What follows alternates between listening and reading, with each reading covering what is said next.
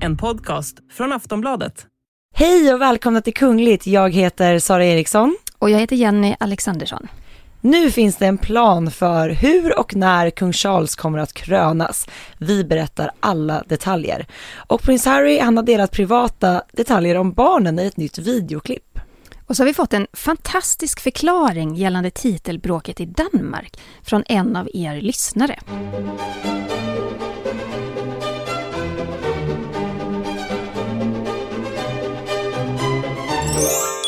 Vi börjar i Storbritannien, för brittiska medier har den senaste tiden skrivit otroligt mycket om den här kommande kröningen.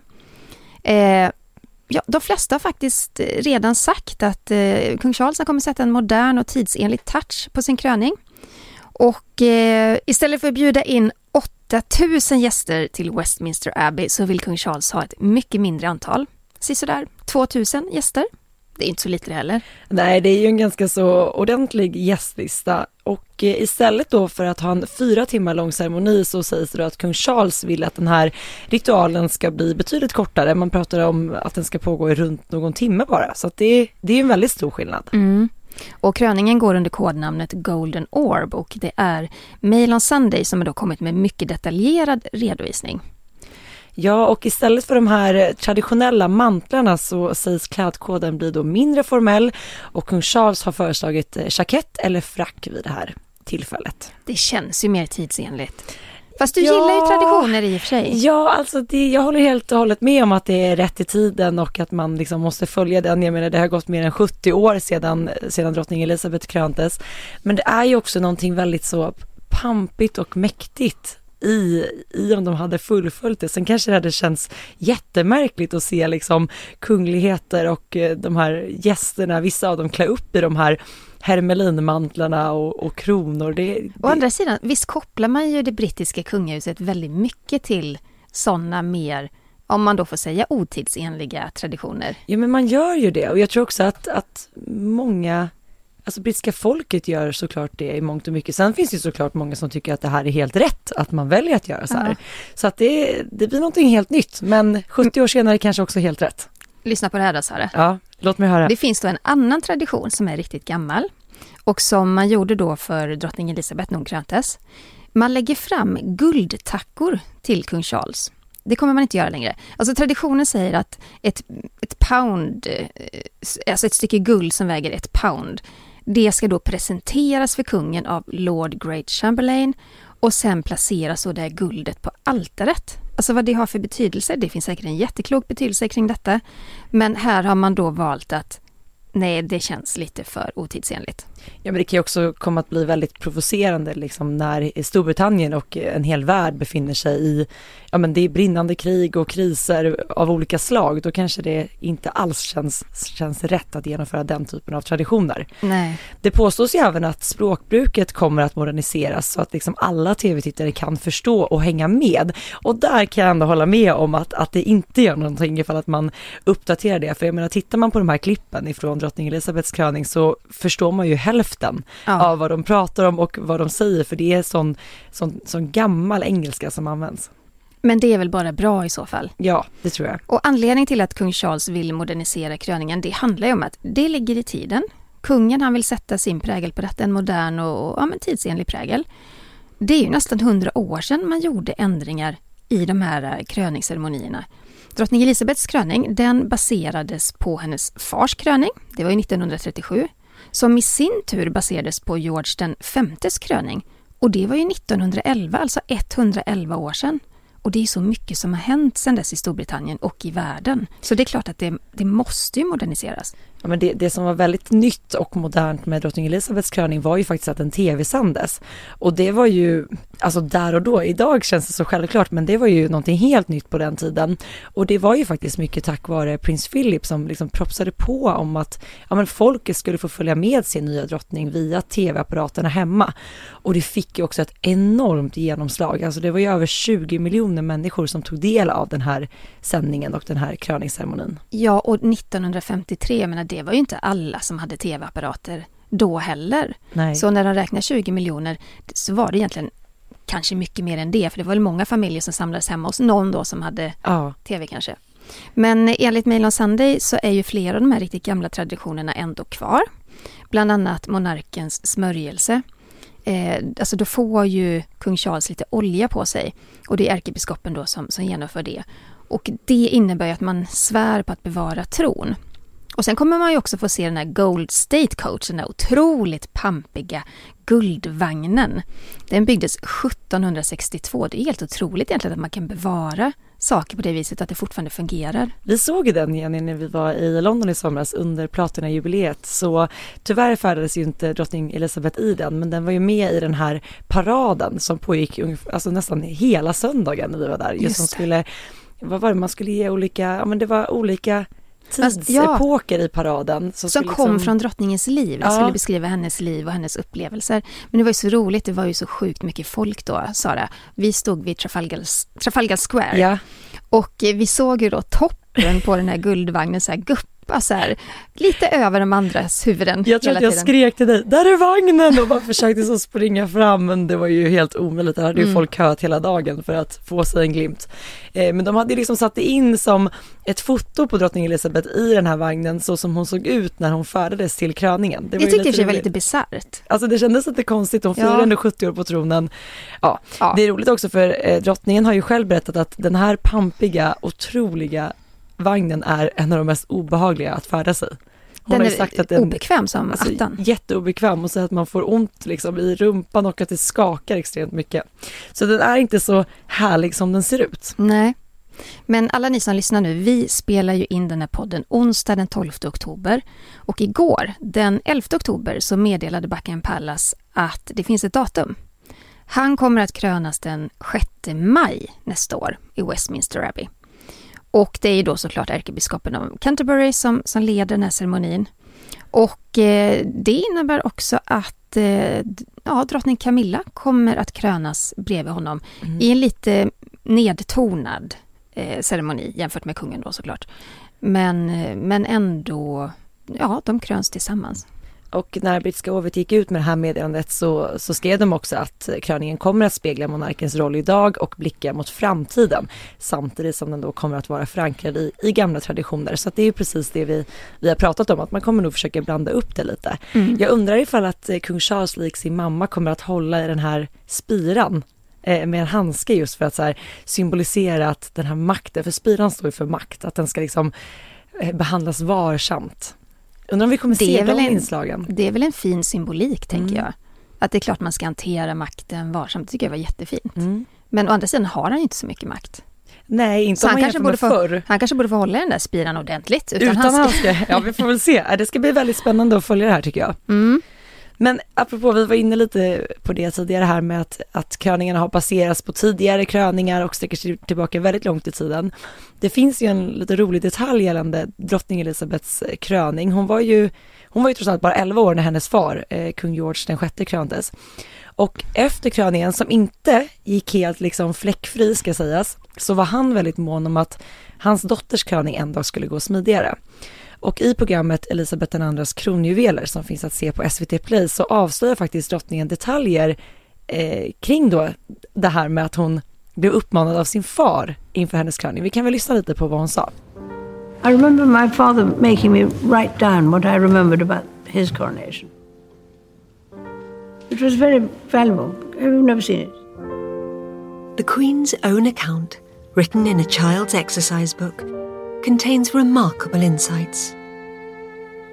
I thought it all very, very wonderful, and I expect the Abbey did too. The arches and beams at the top were covered with a sort of haze of wonder as Papa was crowned. At least I thought so. The events left a lasting impression on the Queen. Can you remember that one almost much, better than yours? Because I wasn't doing anything, I was just sitting there. Ja, det är ju jättespännande. Drottningen berättar att hennes pappa fick henne att skriva ner vad hon skulle komma ihåg då av, av, av sin fars kröning. Och prinsessan Elisabeth hon skrev ner en redogörelse i ett häfte. Och så var det lite olika insikter då som man hade kring det.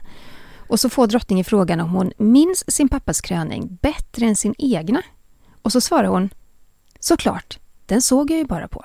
Ja, alltså hon har alltid så roliga svar och det är så fint om man tittar på den här tv-serien så filmar de också det här lilla häftet mm. som då 11-åriga, då prinsessan, har skrivit ner massa små detaljer.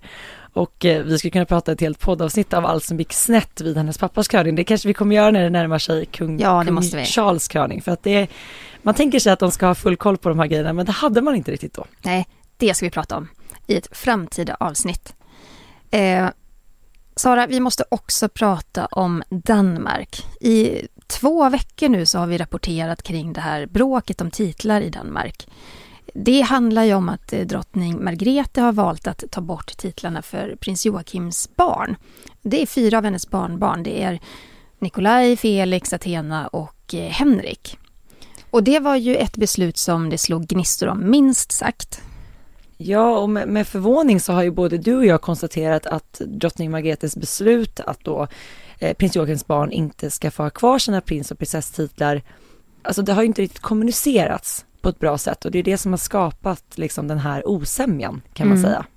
Och vi ser det ju från det svenska hållet. Här är man ju född med sina titlar och det ska mycket till för att man ska bli av med dem. Eh, det har hänt i Sverige också, men det var ju ja, två generationer tillbaka när Sigvard Lennart och Karl Johan blev av med sina prinstitlar för att de gifte sig med eh, en icke-kunglig mm. fru. Eh, men vi är båda överens om att själva beslutet att slimma ner kungahuset, det är bra. Det ligger i tiden. Men det här med att helt ta bort prins och prinsessa som man ju är född med, som vi ser det då, det har vi båda ansett vara ett riktigt hårt beslut. Eh, nu ska Joakims barn istället få använda sig av greve och grevinnetitel. Och vi har fått så många frågor kring det här. Och i veckan då så damp det ner ett riktigt bra mejl från en av våra lyssnare. Eh, en dansk lyssnare, Benjamin, han har koll på detta. Så vi tänkte faktiskt eh, berätta vad han eh, Ja, men, vad han hade för information ja, men Det måste vi göra. Jag, ja. jag blev så glad när vi nåddes av det här. Det är så, det är så kul med alla er lyssnare, ni är så engagerade. Eh, det är och jätteroligt och kan väldigt mycket. Mm. Men Benjamin då, han berättar att det finns en tradition i Danmark som handlar just om prins och prinsesstitlar. Det är en tradition vi inte har i Sverige. I motsats då till Sverige så är det relativt vanligt att man fråntas prins och prinsesstiteln när man gifter sig. Och detta gäller i de fall då man då är barnbarn till monarken, men ganska sällan om man är barn till sittande eller framtida monark. Och det som är speciellt med Joakims barn, det är nu att de blir av med titlarna innan de gifter sig och att det sker direkt. Och då nämner Benjamin två av Margretes kusiner som exempel. Det är greve Ingolf och hans avlidne bror greve Christian. För de är ju då båda barnbarn till den monarken som var innan Margrethe, Kristian den tionde. Och därmed var det så att när de gifte sig, ja, då blev de av med prinstitlarna och blev grevar istället. Och Benjamin skriver ju även här att de grevetitlar som finns i det danska kungahuset har en motsvarighet i de prinsesstitlar som kungens syster Kristina till exempel har, alltså här i Sverige. Hon är ju prinsessa men hon är inte eh, kunglig höghet längre och är inte en del av kungahuset. Och i Danmark har man inte någon hederstitel som prins eller prinsessa. Nej, så upprördheten då, eh, som kanske danskarna sett, eller som framförallt då Maria och Joakim har haft, handlar ju då om att Ja men vänta här, i vanliga fall så förlorar de titlarna när de gifter sig. Mm. Men nej, nu blir de av med alla på ett bräde här och nu.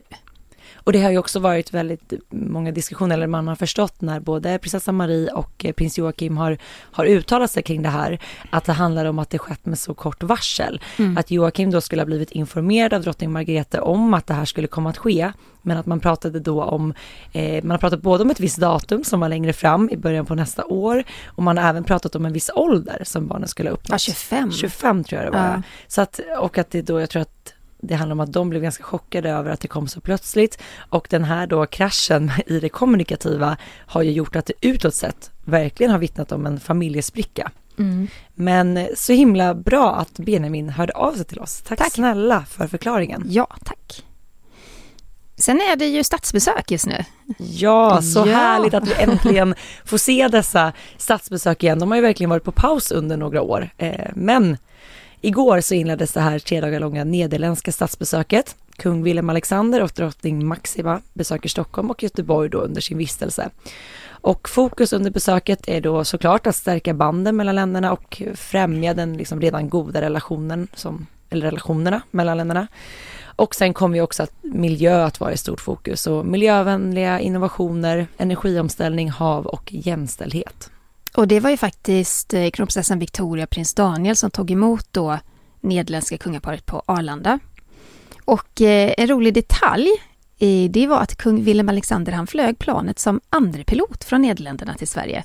För i över 20 år så har kungen varit eh, pilot. Han ja, i hemlighet ja. mer eller mindre flugit då för det nationella flygbolaget KLM. Och det här var ju så roligt, jag kommer ihåg att vi jobbade mycket med Kunglig TV då, det här vi hade varje vecka, varje torsdag när det här avslöjades. Och det blev verkligen en, en snackis för att han, han avslöjade det i en intervju 2017, eh, The Telegraph, att han Ja, men han sa att det var, hade varit hans hemliga hobby helt enkelt. Och han fick ju då även frågan ifall att han någon gång hade blivit avslöjad. Och då svarade han att jag kan ju alltid säga att jag och kaptenen på personalens vägnar önskar alla passagerare välkomna. Då behöver jag inte säga mitt eget namn. Men de flesta lyssnar ju inte i alla fall, sa han då. Nej, det gör man kanske inte. Nej. Jag tycker ofta när man sitter på ett flygplan och så säger kaptenen någonting så låter det så här det, är lite, det är lite lågt, lite dovt ljud. Och, och det är alltid brusar i de här högtalarna, man hör ju inte sen, i alla fall. Sen är det alltid så varmt just då innan de har satt igång alla maskinerier så man har fullt sjå och bara återhämta sig till någon form av normal temperatur. Det kan vara därför, det är min analys. Nej men det är en väldigt rolig detalj att, att kung William Alexander faktiskt har flugit, liksom, eller flygit, flugit mm. i hemlighet och att ingen har vetat om det. Men det var ju flott när han landade med deras, deras plan på Arlanda och satt liksom. Lade du märke till också att det är ett väldigt stort plan? Jag lade märke till att det är ett väldigt stort plan. Ja, alltså vårt kungapar flyger med stadsplanen, de är ju lite mindre kan man säga. Men det, det här var, var gigantiskt. jag såg att det var många på sociala medier som reagerade på det, för det var ju deras egna plan som var i men, en grå färg och sen är det liksom kungahusets monogram, eller vad mm. säger man? Ja, det står till och med kungahuset på, ja, på hela flyget. Ja. Men sen när de gjorde entré, då hade man ju placerat den här, alltså SAS-trappan och var, alla fotografer tog ju verkligen bild in mot liksom utgången där. Ja. Så när de klev ut då var det många som trodde att det var ett SAS-plan som nederländska kungaparet. Det är jättesmart PR. Superbra PR. Ja, mm. bra gjort SAS. Snyggt. Där satte ni den. ja, verkligen. Men efter då att eh, svenska kronprinsessparet hade tagit emot nederländska kungaparet så färdades de vidare till hovstallet där då svenska kung, kungaparet tog emot dem. Och sen var det dags för en kortege längs med Stockholms gator. Ja, du såg väl den där kortegen? Ja, jag stod eh, framför Dramaten eh, för att ta del av den här kortegen och Stockholm visade sig ju verkligen från sin bästa sida. Det var så här krispigt och soligt och härligt ute. Och det var ju ganska mycket folk på plats, men de, reagerade på att de flesta som stod där längs med de här avspärrningarna, de var liksom inte på plats för att ta del av själva kortegen, utan de var mest upprörda över så här, varför är det avstängt, jag måste mm. gå över gatan. Men sen var det många som fick då en positiv överraskning när när de passerade i den här kortegen. Mm. Och sen framme vid slottet så träffade de ju faktiskt nästan hela kungafamiljen. Det var ju kronprinsessparet och det var prinsparet. Och sen såg vi också prinsessan Estelle. Det var ju på något sätt premiär för henne att officiellt vara med vid ett statsbesök. Och det är väl extra gulligt då att kung Willem Alexander är hennes gudfar. Ja, men jag tyckte det var ett väldigt härligt möte. Vi har fått sett otroligt många fina bilder ifrån det här. Eh, och, och som du säger att ändå så ganska symboliskt starkt att prinsessan Estelle är med vid den här typen av sammanhang. Ja men perfekta sättet att lära sig hur det funkar med statsbesök. Och jag tänker på en speciell bild som jag tror nästan alla tidningar publicerat, där William Alexander så här, ger henne en björnkram och böjer lite på benen för att verkligen så här, omfamna henne. Och hon ser så himla glad ut. Jag tänker att pandemin har väl ställt till det också, att de inte kunnat ses på länge och sådär. Mm. Och efter välkomstceremonin på Kungliga slottet så gav kungarna pressuttalanden och eh, jag tycker vi ska lyssna på en bit ur kung Wilhelms Alexanders tal som fått eh, väldigt stor uppmärksamhet både i Sverige och även i andra länder. We realize that we're visiting Sweden at a time of great change. Your country is preparing to join the NATO alliance, a move which the Netherlands warmly welcomes. And last month's election will also bring changes, as is fitting in a democratic system. We can truly relate to what's going on in Sweden and the concerns you have. For example, in areas like security and integration. In our, in our country, too, these are difficult issues. No one has all the answers, so it's important for trusted friends to listen to each other and share our experiences. That's certainly another reason why we are here. Just att, att han som kung i det här sammanhanget väljer att lyfta NATO-frågan och att han också Ja, men han pratar utifrån deras land, hur mycket de välkomnar Sverige in i det och han pratar just om det här ja, men det demokratiska läget. Det är ju verkligen att vara inne och ja, inte bara snudda utan vara inne på den politiska Mm. spelplanen. Men det kommer mer. Mm. För på kvällen var det galamiddag på Kungliga slottet och då höll Wilhelm Alexander ett nytt tal. Och eh, då säger han återigen att Nederländerna varmt välkomnar Sveriges ansökan att gå med i NATO. Vi inser att det här är ett stort steg för ett land som har ja, men, varit neutralt för mer, eh, i mer än 200 år. Eh, och samtidigt så har ju våra länder eh, haft ett eh, försvarssamarbete med en, ja, hur översätter jag det här, outstanding cooperation, alltså ett bra samarbete. Mm. Och vi har länge varit eh, nära försvarspartners, typ. Ursäkta att- min översättning. Så att i, i båda talen som kung Wilhelm Alexander höll under gårdagen så lyfte han liksom NATO, han pratar även om försvaret och han pratar om hur Nederländerna nu välkomnar Sverige eh, till NATO. Eh, det, det många reagerat på är ju såklart att kungen här väljer att lyfta en politisk fråga. Ja, och det är väl egentligen skillnaden mellan, alltså en stor skillnad mellan monarkierna i eh, Sverige och Nederländerna. Därför att kung Wilhelm Alexander och alla hans tidigare eh, anfäder, Ja, eh, de har en helt annan relation till landets regering än vad vår kung har. Han har ingen politisk makt i den bemärkelsen, men, men han har en mycket närmare koppling. Alltså många av hans medarbetare är ju från UD, Utrikesdepartementet. Eh, jag tror att många av hans, eh, till och med inom, inom pressavdelningen, eh, avdelningen, kommer ifrån UD. Mm. Så att han var ju väldigt tidig också med att säga eh, Alltså prata om kriget i Ukraina. Han var jättetidig med det. Jag tror han och drottning Maxima, de gick ut med ett meddelande bara ett par dagar efter att, jag tror faktiskt att de var först ja, av att, alla Ryssland, eh, att, att uttala sig om det. att Ryssland hade invaderat Ukraina. Och det kunde de ju göra därför att just den här nära kopplingen finns då till regeringen. Vår kung kan ju inte riktigt göra det. Den kopplingen finns inte på samma sätt här. Här är ju kungen mer autonom ifrån regeringen. Eh, inte helt och hållet. Jag menar UD, UD är ju fortfarande de som bestämmer vilka utlandsbesök kungen ska göra. Och, och det, det finns ju sådana kopplingar. Men, men det är en stor skillnad. Och det tror jag folk har svårt att, att förstå när de bara ser det. Men det här står en kung och pratar om NATO och försvaret och, och samarbete mellan länder och så vidare. Men det, det beror på det.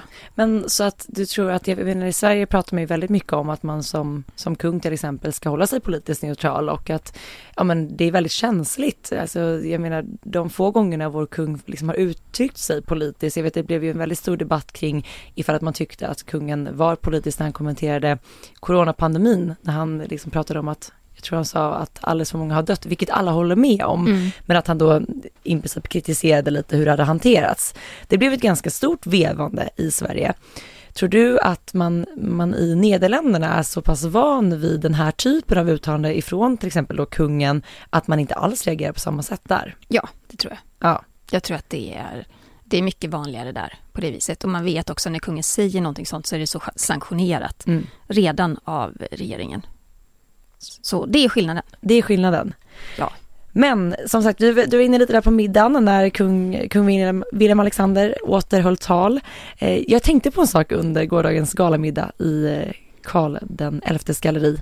Eh, dig Jenny, du, vet, du har ju pratat tidigare om när du har lyft så här, vi hade något avsnitt där vi pratade om våra favoritklänningar ifrån Nobel. Och då sa du att en av dina favoriter är kronprinsessans lila klänning från Nobel 2009.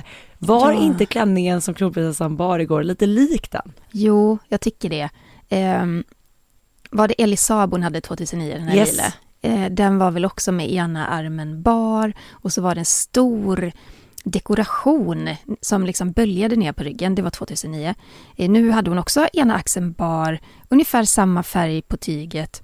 Eh, smalt liv, stor kjol. Och sen en stor liksom, dekorativ Ja. rosettdetalj på ena axeln. Och så var det så snyggt att de här lila tonerna matchades upp med ametistgarnityret. Ja, hon var jättevacker. Verkligen. Om, om 2009-klänningen var, är min favorit så är nog detta nummer två på listan kan jag säga.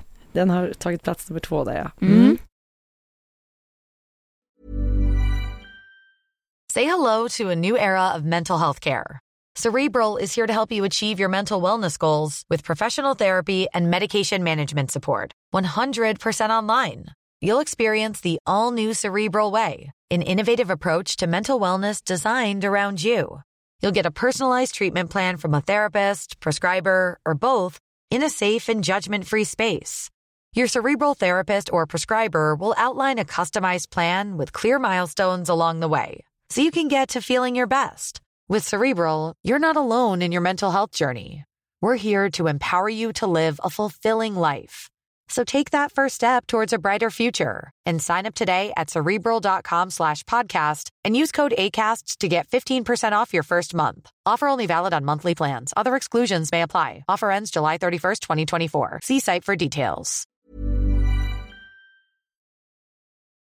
Nej men igår kväll var det alltså galamiddag på Kungliga slottet och idag onsdag Jenny så har ju du faktiskt varit med under stora delar av dagens eh, statsbesök. Kan inte du berätta lite om vad du har sett och upplevt? Mm. Jag eh, infann mig på Grand Hotel eh, i morse. Och eh, då skulle det hållas ett runda bordssamtal. Det låter ju, alltså man bara säger det så här så låter det ju jättetråkigt. Eh, men det var inte det. Eh, det, alltså båda, båda kungarna, båda drottningarna var med. Och de träffade då företagsledare från de största företagen i Sverige och Nederländerna. Tänk dig Wallenberg, tänk dig Ericsson, Saab eh, och så motsvarigheterna i, i Nederländerna. Och jag var inne och kikade i det här rummet där de skulle sitta och prata. Det var mycket folk de hade satt, eh, även kungligheterna, väldigt, väldigt tätt. Okej. ja. Eh, och eh, sen pratade jag då efteråt, för de, det var faktiskt så att de stängde dörrarna för oss i pressen. Och det var inte för att vara taskiga, utan det var för att eh, det är lite så här känsliga frågor. De skulle prata om hållbarhet, eh, nya lösningar på egentligen hur man ska klara sig ur krisen. Och när jag säger krisen så menar jag både den ekonomiska krisen, den här energikrisen vi har med skenande elpriser och, och diverse klimatkrisen. Så det var också så här, det var ju stora svåra ämnen. Och många av de här företagsledarna sitter ju liksom på företag där det är känsligt när information och, och de kanske avslöjar men vi har den här innovationen eller uppfinningen på gång. Mm. Eh, och då kanske om vi i pressen sitter med så blir det svårt för dem att prata om det. För att det får inte komma ut i medierna vad de håller på med i sina företag och så här. Hur som helst, vi fick i alla fall komma in eh, efteråt. Nej, all, Var all, var ni under tiden då? För, I ett länge, angränsande rum. och hur länge pågick de här samtalen? Ja, kan det varit en timme kanske? Okej. ja. Så det var ändå så här, de satt gediget och malde liksom Ja. om, eh, om lösningar. Och så fick vi komma in då i slutet när det skulle sammanfattas lite grann och eh, det var tydligen ett jättegivande möte. Och på något sätt så är det ju ändå så att kanske var det mötet och det samtalet en av de viktigaste grejerna på hela det här statsbesöket. Och jag pratade med Jan Larsson, han är VD för Business Sweden, efter att han ledde det här mötet. Och han sa det också, så här, det är ju jätteviktigt att kungligheter är med därför att de kan ju rikta strålkastarljuset och liksom skapa en agenda som gör att de kan få deltagare på riktigt hög nivå. Mm. Och har man deltagare på riktigt hög nivå, ja men då kan ju saker hända Mm. på riktigt. Så det var, det var rätt eh, spännande faktiskt. Så så inleddes dagen onsdag då? Är vi på Ja. nu.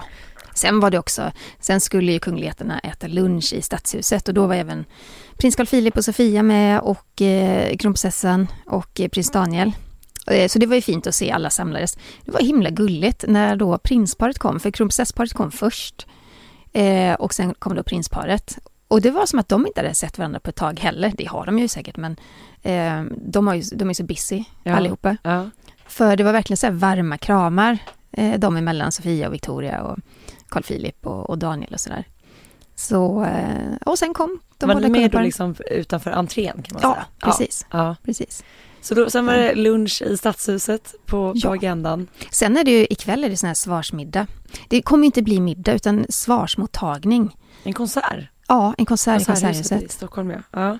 Så. Jag såg nu när jag var på väg hit till, eh, till poddstudion på Aftonbladet att det redan nu var avspärrningar på Hötorget. Så de Mm. förbereder, förbereder sig inför kvällen. Ja, men det, jag måste säga det, alltså intrycket man får av eh, kung Wilhelm Alexander, eh, det är att han, han är ju lite rolig. Han har ju humor på något sätt. Han är ju väldigt mycket kung, men, men inte så mycket kung som vår kung är, för jag tycker vår kung är väldigt, han kan vara lite stram och lite, lite Mm. väldigt royal sådär. Mm. Men eh, man kollar på det här talen som då Wilhelm Alexander har hållit, speciellt det som var från galamiddagen eh, igår kväll. Han kan verkligen så här, väva in lite, lite humor i allting och, och liksom skoja till det. Och han känns ganska lättsam på det sättet. Liksom.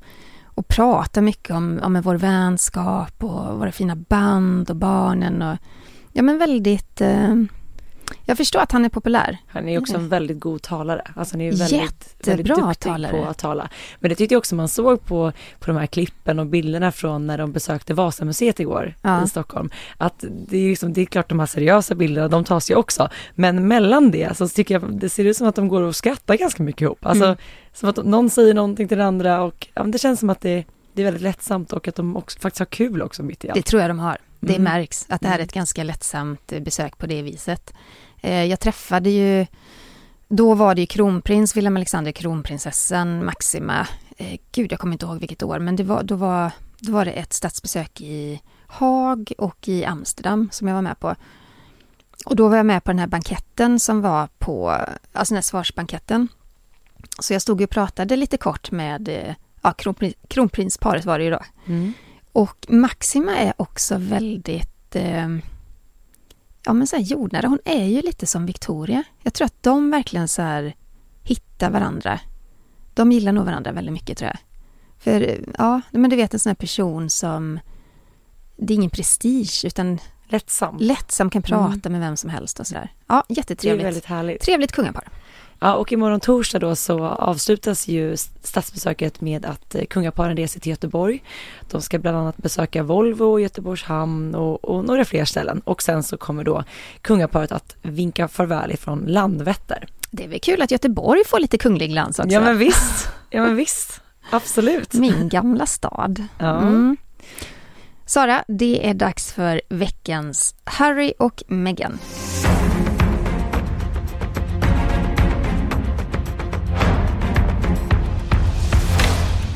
Vi har nyligen sett prins Harry avslöja detaljer om sina barn i ett nytt videoklipp. Och eh, för att förstå var de här klippen kommer ifrån så får vi backa bandet lite. Eh, för sedan 2017 så är prins Harry beskyddare av organisationen Wellchild som då tillhandahåller vård för allvarligt sjuka barn och ungdomar i Storbritannien. Och varje år så hålls den här eh, Wellchild Awards för att då samla in pengar till organisationen. Och prins Harry och Meghan de skulle ha närvarat vid årets gala men på grund av då att de nyligen rest tillbaka till USA efter drottningens begravning så kunde de inte närvara i år. Och det får vi ju lägga till då att Harry och Meghan var ju faktiskt i Storbritannien för att eh, närvara vid olika organisationer och evenemang och deras vistelse var väl planerad till, jag tror, fyra, fem dagar från början. Men det, de blev ju kvar i Storbritannien i ytterligare lite mer än två veckor eh, i och med drottning, drottning Elisabeths eh, dödsfall och begravning. Och istället då för att närvara vid den här galan så träffade prins Harry de här barnen och deras familjer som tilldelas årets priser digitalt istället. Och det är ju ett möte som fått extra mycket uppmärksamhet, eller hur Jenny? Ja, prinsen pratade med fyraårige Henry Waynes och hans föräldrar Siobhan och Ben. Och vi lyssnar lite på vad de pratar om. Hi, Henry. This is this is Henry and Mum Siobhan and Dad Ben. Hi, how are you doing, Harry?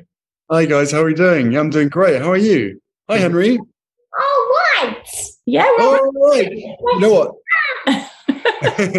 My name's Henry as well, but everyone calls me Harry. Don't ask. I, I have no idea why. well, you are the inspiration for why Henry is called Henry. That is true. Oh no, don't tell me that. You, Why? no, How's that? How did that happen? honestly, In in before he arrived in the world, we found out you were a Prince Henry, not you know, back to Prince Harry. I said we love that name, and from then he was Henry. Yeah. That's There you true. I know. Henry, does any does anyone call you Harry or not? Uh, no, just Good man. I love that. Ja men prins Harry säger här, vet du vad, jag heter Henry jag med, men alla kallar mig för Harry och jag vet inte varför. Och då berättar ju Henrys mamma då att, eh, att det faktiskt är prins Harry som inspirerat dem till att döpa sin son till just Henry. Hon säger att innan vår son föddes så upptäckte vi att du heter prins Harry, Henry och inte prins Harry. Ja, vi lyssnar lite till. Yeah, but yes, in answer to your question, Henry, uh, Archie is very, very busy, and Lily is uh, learning to use her voice, which is great. Uh, we know what that's like as well. Ja, Henry frågar ju då prins Harry hur det är med Archie och Lilibet. Och Harry svarar att de mår bra. Och Harry svarar också att Archie han har fullt upp och Lily, som man kallar henne, har, håller på att lära sig prata. Och i ett av de andra videomötena så avslöjade prins Harry att han och Meghan numera har tre hundar och menar på att vi har i princip fem barn. Så de har en svart labrador som heter Pula, två biglar som heter Guy och Mia. Och så säger han så här, hundarna jagar ekorrar varje dag och jag springer omkring mellan dem för att se till att de inte orsakar problem. Jag visste faktiskt inte att Harry och Meghan hade tre stycken hundar sedan tidigare. Nej, men inte jag heller. Nej. Jag, de känns inte riktigt som hundmänniskor. Nej, men å andra sidan, jag tänker i alla fall, jag vet inte om... Harry om, kanske, men... Harry har ju vuxit upp med hundar närvarande hela sitt liv. Jag vet inte om Meghan har gjort det. Nej. Nej, men eh, det är alltid kul när man får lite sådana här inblickar, inblickar. I, i deras vardag. Och det fick vi här nu från prins Harry. Apropå hundar, det är ju så här. Alla har ju undrat vad händer med drottningens, drottning Elisabeths hundar när hon dör? Hon hade ju ganska många. Mm. Jo, det är ju så här. Det har ni kanske redan hört, men det är ju prins Andrew och hans exfru Fergie som har tagit hand om corgisarna Muick och Sandy. Och om ni hängde med under begravningen så såg ni att både Muick och Sandy de stod längs med kistans kortegeväg eh, i varsitt koppel med, med två i personalen. De här hundarna har ju verkligen blivit virala. Mm. Alltså de bilderna har delats hur mycket som helst. Det var väldigt, väldigt fin, fint att se dem Ja, där. och de fick då flytta in hos drottningens son och det är ju så att prins Andrew och hans exfru, de bor ju faktiskt ihop i The Royal Lodge. Så de tar väl hand om hundarna båda två, tänker jag. Men i en intervju då med The Telegraph så säger Fergie att det är en stor ära att ta hand om drottningens lurviga följeslagare. Mm. Och Andrew och Fergie, de har ju sedan tidigare fem Norfolk Terriers. Så alltså, de har ju sju hundar ja, hemma. Sju hundar! Då är det nog tur att man bor lite större. Det hade inte fått plats hemma hos mig kan jag säga. Nej, men hur rastar man ens sju hundar? De har väl hjälp med det kanske? Ja, kanske. Eller så tänker jag att de, det känns inte som att de har en liten trädgård. Heller. Nej, de kan släppa ut dem. Kanske kan släppa ut dem och så springa av sig. Ja. Mycket hundfokus här nu. ja, men verkligen. Ja, men nu ska det faktiskt bli tv-fokus istället. Det har ju gått snart två år sedan som Netflix-serien The Crowns säsong 4 avslutades. Och nu är det snart dags för säsong 5. Det kom ju en pandemi däremellan. Ja. De kanske har haft svårt att spela in då. Precis, och den här tv-serien är ju minst sagt populär eh, kan man säga och nu har faktiskt Netflix släppt den här trailern, första trailern. Vi kan väl lyssna lite på hur den låter. Buckingham Palace is issuing this statement. It is with regret the Prince and Princess of Wales separate. There's uproar in Britain after Prince Charles bared his soul to the nation. But the Princess of Wales upstaged her husband. Speaking about her broken marriage, her life, and her future. Allegedly for longtime female friend. The tapes are filthy, they're Palace disgusting. has been left shocked and concerned by the establishment. The allegations against the royals were astronomical. This is becoming all-out war.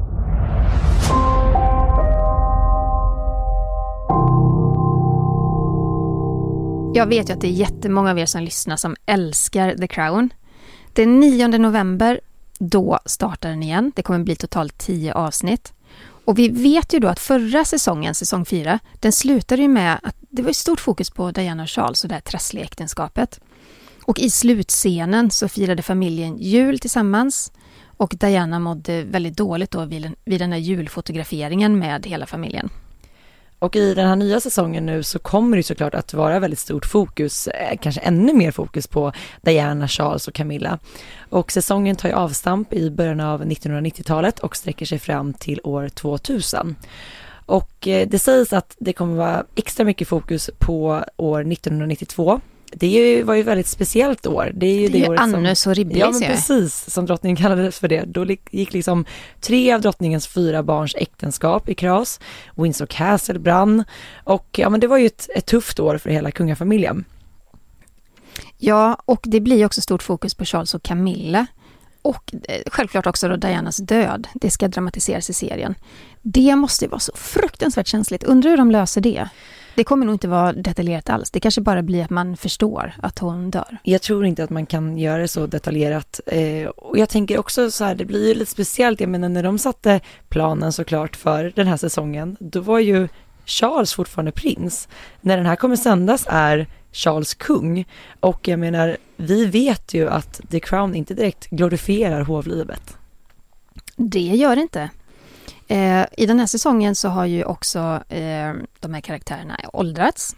Så flera av skådespelarna ersätts då med nya. Eh, jag gillade ju väldigt när Olivia Colman spelade drottningen. Jag tyckte hon gjorde det riktigt, riktigt bra. Nu är det istället Imelda Staunton som ska spela drottningen. Och vi lyssnar lite kort på vad hon sa om sin nya roll. I'm delighted to be here, inheriting the role of Queen Elizabeth from two outstanding actresses, most recently the wonderful Olivia Colman, and who could forget the actress who originated the part, Claire Foy. I will do my utmost to maintain the very high standard that they set. Hopefully, I look calm, collected, and capable. My stomach, meanwhile, is doing somersaults. Ja, men det blir spännande att se en ny drottning och sen så kommer ju även eh, prins William och prins Harry även att vara mer med såklart i den här säsongen. Så att eh, det blir spännande att se hur man kommer att, att eh, vad ska man säga, kasta dem, hur det kommer att se ut. Vad tycker, alltså, vad tycker du Jenny om, om att göra en serie på levande personer? Nej, men jag älskar ju The Crown. Jag tycker att den är riktigt välgjord och riktigt vacker och spännande. Eh, men jag tycker det är komplicerat. Och jag tror inte att alla är helt och hållet medvetna om att det bara är fiktion. Det är också för att serien bygger på så mycket verkliga händelser hela tiden. Sen kan man ju aldrig veta vad personen har tänkt, tyckt eller sagt överhuvudtaget eller känt. Eh, och det, ibland får jag intrycket av att det kommer frågor till oss via mail och Instagram och sådär att, att folk tror på att det som händer är hela sanningen. Så det gör det komplicerat. Men det var ju också det, eller anledningen till att, eh, var det kulturministern i Storbritannien som faktiskt lyfte frågan att han tyckte att, att den här typen av draman och filmatisering bör varningsmärkas? Nej, ja, ja, han krävde ju att han det, krävde det, att det, det skulle märkas eh, som, som drama. Ja. Så att man ska förstå att det är en eh, fiktion och inte verklighet. Ja. Men jag tycker man märker det, alltså jag har ju jättemånga kompisar som såklart inte är lika kungligt intresserade som jag är. Och så fort de har sett något avsnitt av The Crown så kommer det frågor så här, har det här hänt på riktigt? Mm. Och själva händelsen är stort, ja, men vi kan ju omöjligt veta vad, vem som sa exakt vad bakom stängda dörrar till varandra. Mm. Men serien är ju otroligt välgjord. Eh, det är ju väldigt kul att följa den och alla de här fina kläderna, flotta miljöerna. Så att det ska bli kul med en, med en ny säsong. Mm. Och på tal om Netflix och The Crown. Det här är ju väldigt känsligt. Kanske är det mest känsligt för, för William och Harry. Det handlar om deras mamma och kanske eventuellt hennes död som dramatiseras. Mm. Det finns annat också som är känsligt. Enligt en källa till Daily Mail så har ju då prins William vädjat till Netflix att inte filmatisera den här omtalade intervjun som prinsessan Diana gav till BBC-reporten Martin Bashir. Och det är en intervju där, Diana, ni känner säkert igen den, där Diana bland annat sa då att de var tre i äktenskapet eh, och att det var lite trångt. Och den här intervjun, den, den var ju så tittad på, den, såg, alltså den kunde man ju se över hela världen. Och förra året så kom det fram då att Martin Bashir, han hade använt sig av falska dokument för att då, ja lite grann lura, ganska mycket lura Diana att ställa upp på intervjun. Ja men han, han pressade ju henne då med de här förfalskade dokumenten. Det var liksom kontoutdrag, det var ett påhittad ryktesspridning då bland Dianas allra närmsta medarbetare. Och när BBC då efter då en internutredning fastslog att, att den här intervjun med Diana skett under bedrägliga omständigheter så kommenterade ju faktiskt prins William det och sa bland annat så här att intervjun bidrog till att göra mina föräldrars relation ännu värre, ännu värre och det gjorde min mamma mer paranoid. Och jag förstår ju såklart att jag menar för, för Harry och William som du säger Jenny, att, att dramatisera deras mammas död, att åter då dramatisera de här scenerna ifrån den här intervjun med BBC där man nu i efterhand vet vad Diana hade mm. utsatts för, för att faktiskt prata så öppet och brett som hon gjorde. Eh, men trots då Williams vädjan så verkar det ju som att, att Netflix kommer att dramatisera intervjun, vilket man faktiskt ser glimtar av redan i den här trailern som släppts. Eh, så att eh, vi får se hur den tas emot, om den tas emot av kungafamiljen, om de ens tittar. Vi vet ju inte det. Det är också en fråga vi får väldigt ofta. Just, kollar kungligheterna själva på The Crown? Det vet vi ju inte. Det vet vi inte. Vi vet att prinsessa Madeleine kollar på The Crown. Ja, och nu när jag, precis när jag sa det så kom jag på att vi för några veckor sedan pratade om eh, när kung Charles, när han fortfarande var prins, eh, mötte, var i något officiellt sammanhang, där han sa att jag är inte så hemsk som som i The Crown eller något mm, liknande. Ja, det var något sånt. Vilket ändå indikerar på att han måste ha sett något avsnitt. Eller fått jag. berättat för sig. Kanske. Ja. Mm. Kära lyssnare, vi har fått några frågor ifrån er. Um, Fortsätt gärna skicka in fler. Ja. Vi blir jätteglada. Kungligt aftonbladet.se Vi börjar med en fråga ifrån Ludvig som skriver så här. Varför har vi inte i Sverige en tradition att kröna våra monarker som typ England har? Vi har ju haft den traditionen, men den finns inte längre. Det var Oscar den andra som var den sista kungen då som kröntes liksom med en krona på huvudet. Och det gjorde han den 12 maj 1873. Det var ärkebiskopen som utförde smörjelsen av den blivande regenten och tillsammans med justitieministern så sattes då kronan på kungens huvud. Men så är det så här, kungens efterträdare Gustav V, nej, han valde bort kröningen när han tillträdde tronen då 1907. Han tyckte att det där var otidsenligt, det var inte i takt med tiden alls, utan han skapade istället då en, en, en mindre ceremoni och han, alltså han förde ju vidare även det på, hov, alltså på hovet. Mm. Att han tog bort vissa riktigt gamla traditioner och så vidare. Och man kan också lägga till att på den tiden så det fanns en kritik mot monarkin. Så kanske också kände han att det var en nödvändighet att börja gå i takt med tiden lite mer. Ta bort de här riktigt gamla traditionerna. Och det är förmodligen det som vi nu kommer att få skåda i Storbritannien i, i maj nästa år, att man kommer att modernisera kröningen just för att den ska följa tiden. Det lirar inte riktigt lika bra 2022 som för 70 år sedan. Vi har fått en till fråga ifrån Åsa som skriver så här. Vad händer om kungligheterna får ett funktionsvarierat barn? Får kungligheterna extra koll med fosterdiagnostik? Det är ju en jättespännande fråga såklart. Ett barn eller en tronarvinge då, när det växer upp och då ska ta över kronan och bli statschef, så måste ju det barnet kunna genomföra allting som har med det här ämbetet att göra. Och det ställs ganska höga krav på det här ämbetet. Det är mycket man ska kunna klara av. Det är inte bara att klippa band utan det handlar om så mycket mer än så. Eh, kungen han sitter ju med eh, alltså har så informationskonseljer med, med regeringen och ja, det, det är mycket man ska klara av. Är det då ett barn som är funktionsvarierat och som inte kan genomföra de här momenten, då kan inte det barnet bli statschef, så är det ju. Utan då är det nästa person i tronföljden som får ta över helt enkelt. Mm. Tack snälla för att ni har lyssnat på veckans avsnitt av Kungligt. Om ni vill ha dagliga uppdateringar så kan ni följa oss på Instagram och var, var hittar man dig? Eh, Kungligt med Jenny heter jag på Instagram och du då? Royalistan.se. Tack snälla för att ni har lyssnat. Ha Hej det bra. Då. Hej då! Hej.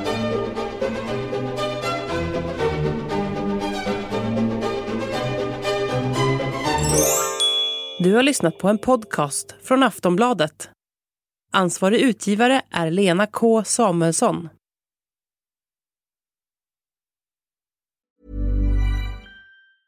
Ready to pop the question? The jewelers at BlueNile.com have got sparkle down to a science with beautiful lab-grown diamonds worthy of your most brilliant moments. Their lab grown diamonds are independently graded and guaranteed identical to natural diamonds, and they're ready to ship to your door. Go to Bluenile.com and use promo code LISTEN to get $50 off your purchase of $500 or more. That's code LISTEN at Bluenile.com for $50 off. Bluenile.com code LISTEN.